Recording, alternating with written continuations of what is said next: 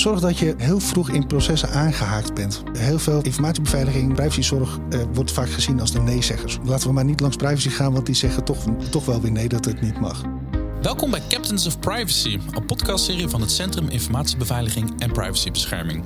Samen met Walter van Wijk van het CIP spreek ik met inspirerende professionals de stand van privacyland aan de hand van hun visie en ervaringen een van de eerste uh, dingen rondom ethiek moraliteit, bijvoorbeeld aan een, aan business die iets wil gaan doen met persoonsgegevens, is van nou is prima dat je dat gaat doen. Hier heb je een megafoon. Het is nu markt buiten. Ga maar buiten staan op de markt. Ga maar uitleggen wat je wil gaan doen. Als dat kan en als iemand dat durft, dan, dan kunnen we de volgende stap zetten. En dan zijn we ook gelijk begonnen met privacy by design te, uh, in te richten. Vandaag de gast Jacques Eding, Chief Security Officer bij de Nederlandse Zorgautoriteit. En ik ken Jacques al een aantal jaren als enthousiast ambassadeur van SIP. Uh, hij is een door de wol geverfde informatierisicomanager uh, en ook trainer en coach op privacygebied en politiek actief. Maar dat komt later nog wel even terug in deze podcast. Jacques, leuk dat je er bent. Ja, dankjewel. Leuk dat jullie me uitgenodigd hebben. Jij doet van alles. We kunnen aan alle kanten met je op. Maar gewoon even eerst de basics. Wat doet nou eigenlijk een Chief Security Officer bij de NZA?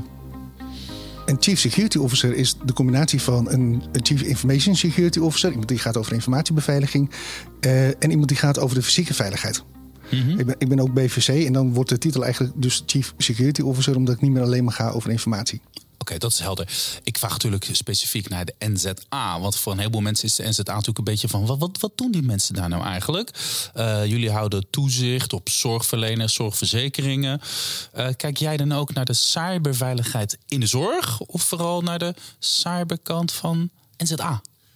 Ik ben vooral nu bezig met de, met de interne, uh, interne huishouding. Hmm. Uh, uh, wij kijken wel verder dan alleen maar de NZA met, met gegevens en gegevensverwerkingen. Mm uh, maar mijn zorg ligt vooral binnen de NZA. Ah, want de NZA doet natuurlijk allerlei onderzoeken naar allerlei fenomenen in de zorg. Daar wordt met data gewerkt en jij kijkt van... hé hey jongens, gaat het allemaal wel goed? Zoiets? Precies, ja, nou, precies. Oké, okay, Walter heeft een paar vragen en stellingen meegenomen. Dat doet hij voor elke captain of privacy die wij tegenover ons krijgen. Walter, waar wil je mee aftrappen? Nou, eerst maar een vraag. Um, jullie zijn een autoriteit, een zorgautoriteit. Uh, daarnaast heb je in de privacywereld natuurlijk de autoriteit persoonsgegevens. Um, hoe, hoe, werken jullie samen als, als, als, als toezichthouders? Wat is jullie verschillende jullie, jullie rollen binnen de, de zorgsector? alle twee de toezichthouders. Er zijn trouwens nog meer toezichthouders binnen de zorg. Maar zo even alleen op de NZA en, en de AP concentreren. Uh, gaan wij over de betaalbaarheid en de toegankelijkheid van zorg. Uh, en de, de autoriteit persoonsgegevens gaat over de gegevens die in de zorg gebruikt worden. Wij, wij zien niet op, op, eh, op de gegevensverwerkingen die bijvoorbeeld in een ziekenhuis plaatsvindt. Daar uh, houdt de AP wel toezicht op. En, en, en, aan de andere kant is ook weer de AP voor ons ook een toezichthouder. En de AP houdt ook toezicht op wat, datgene wat wij doen. Dus je hebt eigenlijk alleen maar met de AP te maken als het een NZA-aangelegenheid betreft. Niet iets wat de sector aangaat. Precies. Op het moment dat de AP nu een onderzoek doet bij een ziekenhuis, zullen wij daar niet bij betrokken worden. Nee. nee. Even nog een aanvullende vraag als dat mag. Uh, je werkt nu als Chief Security Officer en je trekt zelfs de band naar de fysieke veiligheid. Maar privacy hoor ik hier niet in. Ik ken jou uit het verleden als een uh, gedreven privacy adviseur en trainer. Uh, is dat een bewuste stap geweest? Of? als je tussen alle drie de onderwerpen, eh, zelfs nog het vierde onderwerp erbij, de business, als je daar Venn-diagrammen van maakt, dan zit daar in het midden zit een, zit een samenspel van al die vier onderwerpen. En daar zit ik. Uh, dus de ene keer zit ik meer vanuit informatiebeveiliging, de andere keer meer vanuit gegevensbescherming. Alle twee hebben bescherming in zich. Um, uh, en ik, ik, probeer dus alle twee te, te combineren. Uh, ik ben nu Chief Security Officer. Wij hebben een FG we, we hebben sowieso een ontzettend goed privacy team bij de NZA. Uh, en ik probeer daar nog wel wat vanuit technologisch aspect in, in mee te brengen. Dus bijvoorbeeld de bescherming, en geen privacybescherming zonder bescherming. Ehm, dus het blijft altijd wel om hetzelfde heen draaien. Dus je bent gewoon een beschermer.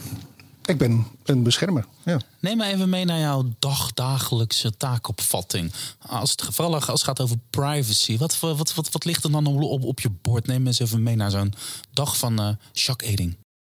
Nou, niet elke dag zit vol met privacy dingen, maar we hebben natuurlijk heel veel persoonsgegevens. Wij verwerken heel veel persoonsgegevens.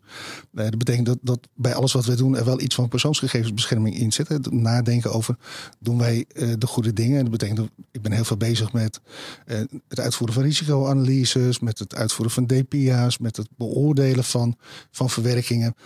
beoordelingen van, van kleine dingen als wanneer is een een testdataset nu dusdanig geanonimiseerd dat we het ook als testdata kunnen gaan gebruiken.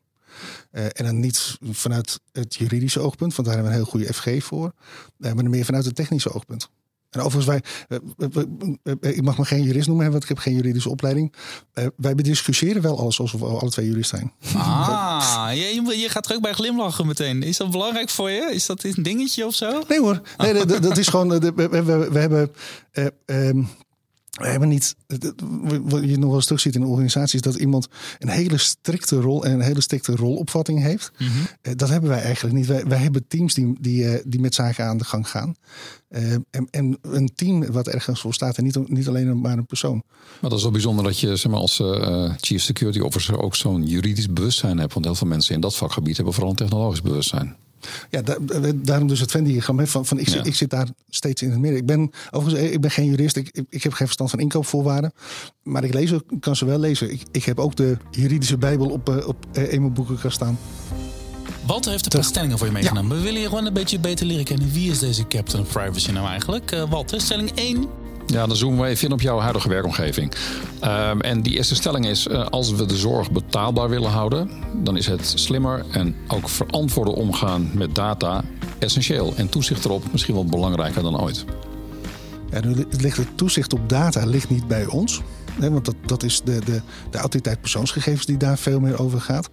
Ik denk dat het wel waar is, willen we in de toekomst, hè, waar wij voor staan, zorg betaalbaar en toegankelijk houden. Eh, dan moeten we ook onderzoek doen naar wanneer is die zorg nou be, uh, uh, betaalbaar en toegankelijk. En dat betekent dat, dat daarvoor gegevens wel nodig zijn. Uh, wat voor opties hebben jullie dan om met data te werken? En wat is dan vooral jouw rol om te zorgen dat dat goed gaat? Nou, toch, toch, nog één stapje terug. We hebben, en dat, dat is ook in het verleden bewezen, dat we op basis van gegevens vaak uh, dat er dingen gedaan kunnen worden uh, die beter zijn dan dat een arts dat doet zelfs. We hebben een app die op zoek gaan naar, uh, naar huidkanker. Uh, een glanoom die is uh, sneller en makkelijker dan dat, dat je naar het ziekenhuis toe gaat. Op en dat doet hij op basis van gegevens. Gegevens die hij heeft verzameld. Een vorm van AI. Dat zijn toepassingen. Die liggen natuurlijk die liggen heel erg sterk buiten het werkveld van de NZA. En dan nu terug naar wat de Precies. NZA wel kan. Want jullie spelen daadwerkelijk wel een rol in de toegankelijkheid houden. Toegankelijk houden en betaalbaar houden van de, van de zorg. Hoe zie je dan de inzet van data? Wat, wat wij nu doen is op basis van een aantal, een aantal gegevens zijn dan een grote gegevensset. Uh, uh, bijvoorbeeld kijken van hoe kunnen we zorg verdelen over Nederland. Of hoe kunnen we zorg, hoe moeten we zorggelden verdelen. en, en dat zijn heel veel gegevens. Heel veel gegevens van, vanuit, vanuit het zorgveld. en daar toezicht op houden en daar de regels voor stellen. En daar ook interne regels voor maken hoe wij binnen de NZA omgaan. Dat is waar ehm, ik en privacy overgaan. Uh, zo hebben wij ook bepaald, hoe wij met die gegevens gaan omgaan. Nou, dat klinkt heel erg uh, uh, als iets waar ik in de tweede stelling uh, aandacht voor wil vragen, namelijk kunstmatige intelligentie. Ik kan me voorstellen dat dat uh, op allerlei terreinen heel veel toegevoegde waarde zou kunnen betekenen voor hoe jullie naar je werkveld kijken. En de stelling is dan: kunstmatige intelligentie biedt voor jullie de, de grootste kansen, maar is tegelijkertijd de grootste bedreiging. Oeh. Kunstmatige intelligentie is sowieso altijd een risico. Even los van, wederom los van de Nederlandse Zorgautoriteit. Eh, om kunstmatige intelligentie goed in te voeren heb je heel veel gegevens nodig. Eh, heel veel gegevens om überhaupt te leren. Hè. Kunstmatige intelligentie betekent intelligentie proberen te kweken in de computer. Daarvoor heb je heel veel gegevens nodig. Eh, eh en heb je heel veel ehm, mensen nodig die daar goed mee om kunnen gaan. Het gevaar van kunstmatige intelligentie in de zorg uh, en dus ook voor ons werk, is dat we op basis van kunstmatige intelligentie denken dat we een uitspraak kunnen doen. Uh, waarbij we eigenlijk een uitspraak doen over, uh, over, dat, over de data die we hebben en niet zozeer de data die we willen hebben. Een, een, een, voorbeeld, op het moment, dus een voorbeeld vanuit, vanuit Amerika, kunstmatige intelligentie om te voorkomen dat er meer grijze witte mannen in boards van, van directies werden aangenomen. wat is de, de robot geleerd met cv's? Je moet vooral kijken van, uh, die is geleerd. Nou, dit zijn uit de laatste twintig jaar de succesvolle aannames geweest in boards van grote Amerikaanse bedrijven. Ja, dan ga je al. Hè? Wie zit er in boards van grote Amerikaanse bedrijven? Uh, uh, grijze witte mannen. Dus wat gaat een artificial intelligence systeem doen? vooral grijze witte mannen aannemen. Terwijl dat nou juist niet de bedoeling was. Nou, dat risico, dat zit in elke artificial intelligence toepassing. Ehm, en dan wordt het wel heel lastig op het moment dat het gaat over levensvragen. Um, voor ons, wij, wij, maken wel gebruik van uh, van goede data-analyse tooling. Uh, maar dat is, dat is nog een stap terug van echt kunstmatige intelligentie toepassen. Moeten jullie veel werken met dingen als pseudonymisering en anonimisering? Omdat je wel wil leren van historische data, maar het niet persoonsspecifiek wil kunnen labelen of terugherleiden? Ja, nog sterker, wij hebben uh, even los van misschien wat uh, systemen uh, of wat gegevens rondom toezicht, hebben wij geen, geen direct leidbare persoonsgegevens. Okay. alle gegevens die we krijgen, alle grote gegevenssets die wij krijgen, zijn altijd dubbel gepseudonymiseerd. Mm. dubbel gepseudonymiseerd omdat het dus zorggegevens zijn en, en er dus een hele grote risico in zit. Daarom nemen we de maatregel extern van dubbele pseudonymisatie. zodat de gegevens die wij krijgen een lagere inbreuk hebben wij beschouwen ze nog steeds wel als bijzondere persoonsgegevens. Hoe komen jullie eigenlijk aan je data? Uh, wij krijgen data via bijvoorbeeld een, een, vanuit uh, zorgverleners uh, en zorgverzekeraars via onder andere ZorgTTP of stromen vanuit Vectis. Kom jij wel eens in situaties waarbij informatiebeveiliging en privacybescherming tegenover elkaar lijken te staan? Mm, goede vraag. Ehm, ik denk niet dat dat kan. Uh, ik denk wel dat businessbelang en informatiebeveiliging ten opzichte van elkaar kunnen staan. Um, gegevensbescherming, uh, uh, privacy of gegevensbescherming, bescherming is informatiebeveiliging. Um, en hoe kan ik vanuit informatiebeveiliging nou niet gaan voor de beste bescherming? Um, het enige waar, waar het belang zou kunnen schuiven, of waar het belang schuurt, is van ja, waar, waar gaan we nu als organisatie ons, ons geld in steken? Waar gaan we de resources op zetten? En dan kan uh, goed omgaan met persoonsgegevens ineens een hoger, hoger budget krijgen, bijvoorbeeld, dan het omgaan met informatiebeveiliging. Daar schuurt het. Maar, maar in principe is. Uh, informatiebeveiliging kan prima zonder gegevensbescherming. informatiebeveiliging kunnen we inregelen zonder ooit na te denken over privacy. Bij privacy kunnen we nooit inrichten zonder na te denken over informatiebeveiliging. Eventjes eentje die uh, in, in andere gesprekken ook terugkomt. Uh, ik, ik hoorde jou net zelf de kreet DTIA gebruiken, of een DPIA, Data Protection Impact Assessment. Die wordt in de praktijk steeds vaker gecombineerd met een IAMA, een Impact Assessment, uh, mensenrechten en algoritme. Uh, zijn mensenrechten een issue die jij op je netvlies hebt bij je werk? De, de, de ethisch-moralistische kant sowieso altijd. Ehm, uh, wel binnen het, het, het privacy-werkveld uh, hebben we dat. Het DTS, Data Transfer Impact Assessment, die staat nu echt wel bij ons op, op, het, op het vizier dat we die, en die voeren we ook uit in een aantal gevallen. Um, ethiek en moraliteit ligt bij ons vaak bij, bij anderen. Uh, wij, hebben een opdracht, een, wettelijke opdracht, die, die taak moeten we vervullen. En dan zie je dat de, de, de ethisch-moralistische vraag voor in ieder geval die taken veel meer in die wetgeving zitten dan, dan bij ons. Als het goed is, is daar al over nagedacht. Precies. En, zijn daar ook keuzes gemaakt.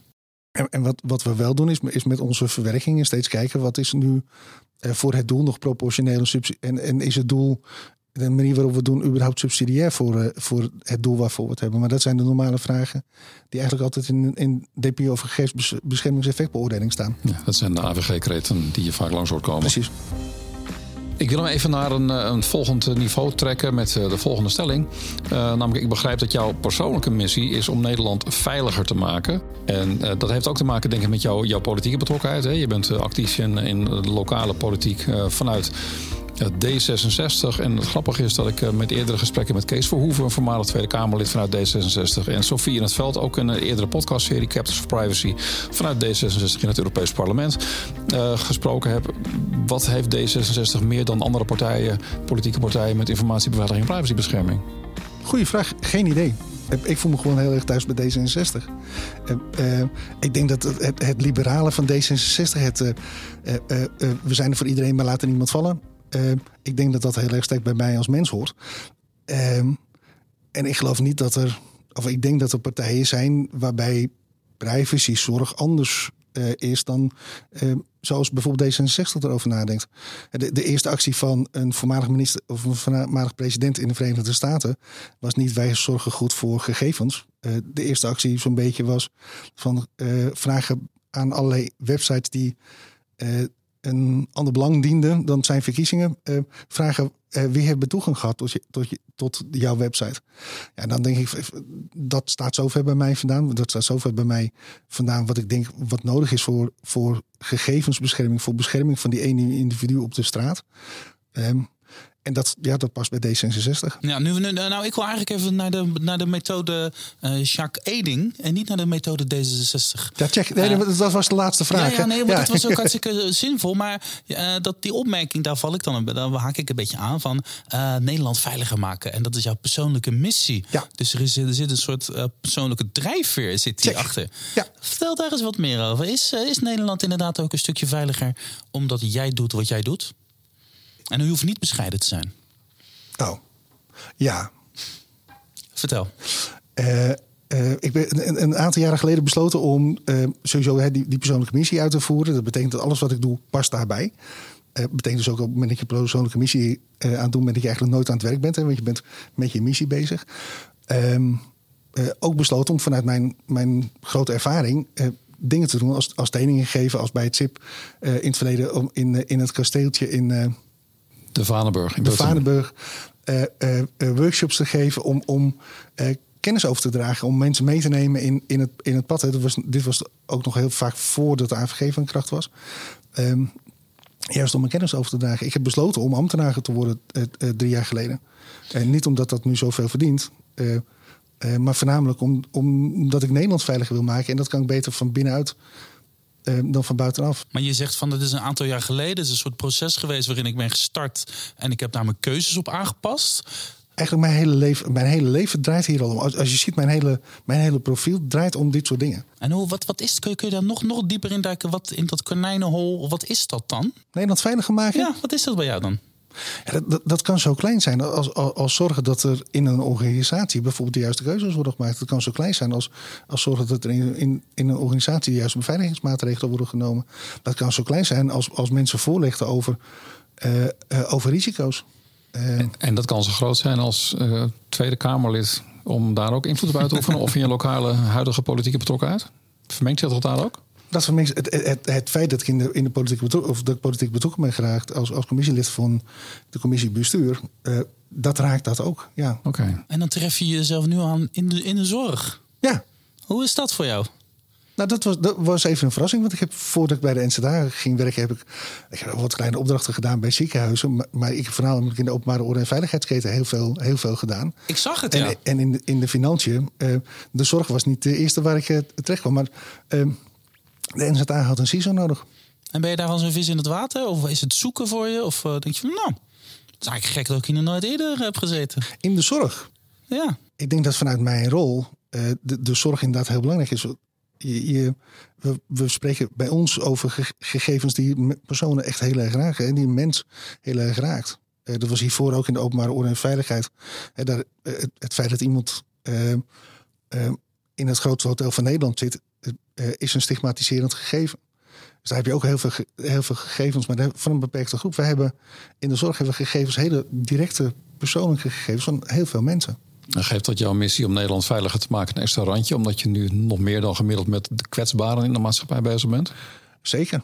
Zeker, maar het kan zomaar weer zijn dat ik over een half jaar uh, ineens uh, een andere opdracht zie en, en daarheen ga. Er is dus een enorm krachtenveld is hier gaande. Als jij nou naar de toekomst kijkt. Hè? Uh, en uh, als het gaat over veiligheid, gaat het over privacy, gaat over mijn uh, persoonlijke integriteit.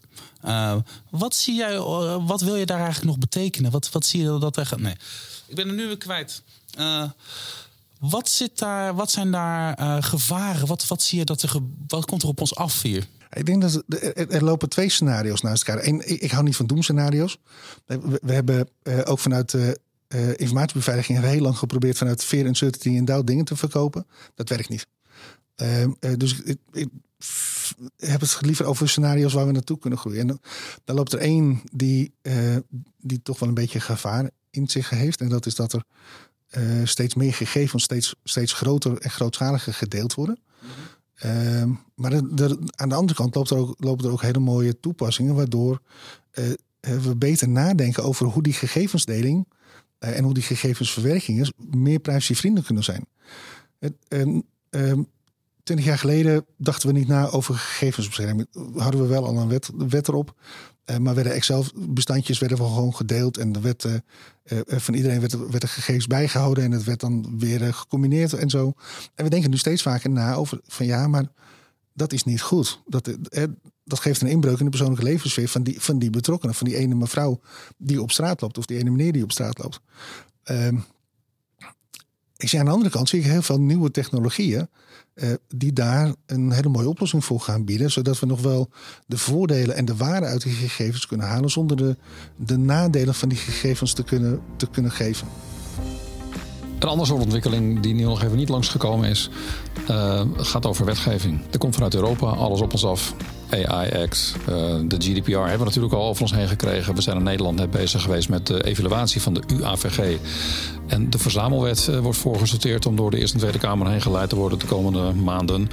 Eh, is dat, en dat is eigenlijk de stelling, jij geeft ook trainingen. Eh, is dit nou juist niet eh, de grootste eh, en lastigste factor voor alle trainingen die je geeft? Omdat er zoveel beweging is in de regelgeving rondom privacy. Goeie vraag, maar dan wil ik eerst nog, toch nog heel even terugkomen op, het vorige. Waarbij de, de, de stelling van aan de ene kant meer gegevens, dus meer inbreuk. Aan de andere kant steeds meer technologische ontwikkelingen.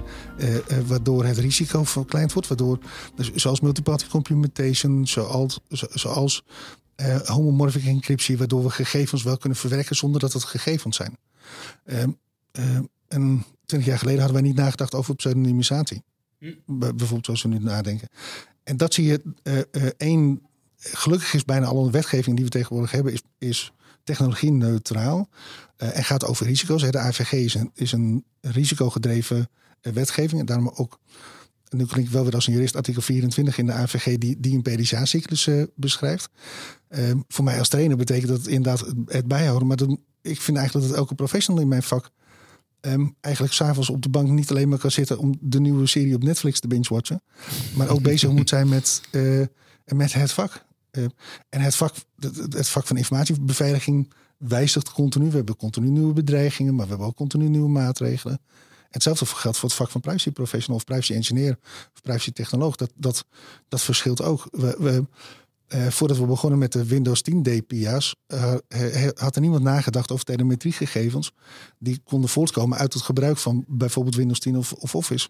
Wie traint jou eigenlijk? Ehm, eh, eh, andere grootheden, zoals eh, mijn oud-collega's bij, van, van Privacy Management Partners. Eh, ehm, en ik probeer heel veel, heel veel online eh, eh, eh, te lezen. Eh, en ik word altijd getraind. In elke training word ik getraind. Eh, een training geven is, is niet, tenminste de training voor mij, is, is niet een oratie van twee dagen van Jacques Eding. Eh, maar is een, eh, eh, is een samenspel tussen mij en, en degene die in de training zitten. Dus ik leer nog steeds, en elke keer weer opnieuw, van hoe andere organisaties het doen. Ik hoor je net een paar afkortingen noemen eh, van, van dingen die met privacy enhancing technologies te maken hebben. Ja. Ehm, en, en ik hoor je ook iets zeggen dat de wet eigenlijk best wel techniek-neutraal is. Dus betekent dat concreet dat de, de huidige eh, privacywetgeving eigenlijk niet zo heel erg achterloopt, ondanks de enorm snel zich ontwikkelende technologische eh, dingen rondom privacy? Ik denk dat de AVG op zich niet zoveel achterloopt. Ik denk dat we nog aanvullende dingen nodig hebben. De, de e-privacy directive waar we al jaren op aan het wachten zijn. Ehm, de, de, eh, de richtlijnen nu rondom bijvoorbeeld IoT-devices. eh, wa- waar ook eh, IoT-devices die ook weer in de zorg mogelijk heel, heel, heel goed gebruikt kunnen gaan worden voor eh, zorg op afstand. Ehm, eh, de AI eh, eh, directive is dat voor- de, de AI-regelgeving eh, vanuit Europa. Dat gaat ons wel helpen. Ja, je kijkt wel heel erg holistisch naar privacy en het krachtenveld waarbinnen privacy geregeld moet worden. En dat is eh, een, een geestverruimende gedachte. Dat je het inderdaad verbindt met alle andere dingen, zodat het ook praktisch kan worden toegepast. Nou, dat hoop, probeer ik te doen, ja. Heb je zin in de toekomst als je kijkt naar onze privacy? Zeker, ik denk, ik denk dat we steeds, steeds vaker ons de juiste vragen stellen. Eh, ook ons de, de juiste vragen stellen rondom, e- eh, rondom ethiek en moraliteit. Dat we, dat we ook bezig zijn met eh, niet, alleen maar meer van, niet alleen maar met de. ehm, eh, het is bijna 1 april, dus we krijgen binnenkort weer twee nieuwe grondslagen. De, we deden het altijd al zo, of we hebben dat in de toekomst mogelijk nodig, grondslagen. Maar dat we ook nadenken of, of, het, of het uitlegbaar is. Ik heb eigenlijk nog één afrondende vraag. Ehm, je hebt heel veel mensen getraind en begeleid en heel veel verhalen gehoord van dichtbij en allerlei dingen zelf meegemaakt. Al die mensen die nu naar deze podcast luisteren, al die privacy professionals die hiervan iets willen opsteken. Wat is nou de allerbelangrijkste les die je ze zou willen meegeven? Of waarvan je weet van joh, die kom ik eigenlijk bijna altijd wel tegen. Denk nou alsjeblieft ook daaraan. Zorg dat je heel vroeg in processen aangehaakt bent. Eh, heel veel eh, informatiebeveiliging, eh, privacyzorg wordt vaak gezien als de nee-zeggers. Eh, eh, eh, laten we maar niet langs privacy gaan, want die zeggen toch, toch wel weer nee dat het niet mag. Uh, zorg dat je aan het begin uh, betrokken bent. En, en leg dan ook de, de uh, juiste waardering voor datgene wat je doet bij, bij diegene die, die bij je komt met een vraag. Een van de eerste uh, dingen rondom ethiek en moraliteit, bijvoorbeeld aan een, aan een business die iets wil gaan doen met persoonsgegevens, is van nou is prima dat je dat gaat doen. Hier heb je een megafoon. Het is nu markt buiten. Ga maar buiten staan op de markt. Ga maar uitleggen wat je wil gaan doen. Uh, als dat kan en als iemand dat durft, dan, dan kunnen we de volgende stap zetten. En dan zijn we ook gelijk begonnen met privacy by design uh, in te richten. Ja, security by design. Eerst denken, wat doen. Privacy by design, ethiek by design. Check. Zorg dat je aan tafel zit en zorg dat je snel aan tafel zit. Ik ben blij dat je bij ons aan tafel zit. Dankjewel, Jacques Eding, Chief Security Officer bij de Nederlandse Zorgautoriteit. De man die heel veel weet van de juridische kant van het vak en zichzelf geen jurist noemt. Oké, okay. uh, dankjewel voor je, voor je komst. Ik vond het een inspirerend gesprek. Uh, we hebben een heleboel andere leuke, inspirerende gesprekken in deze serie Captains of Privacy. Walter, waar kunnen we deze vinden? Gewoon op je eigen favoriete podcast-app. Meer informatie kun je vinden op stip-overheid.nl slash uitgelegd. Dankjewel.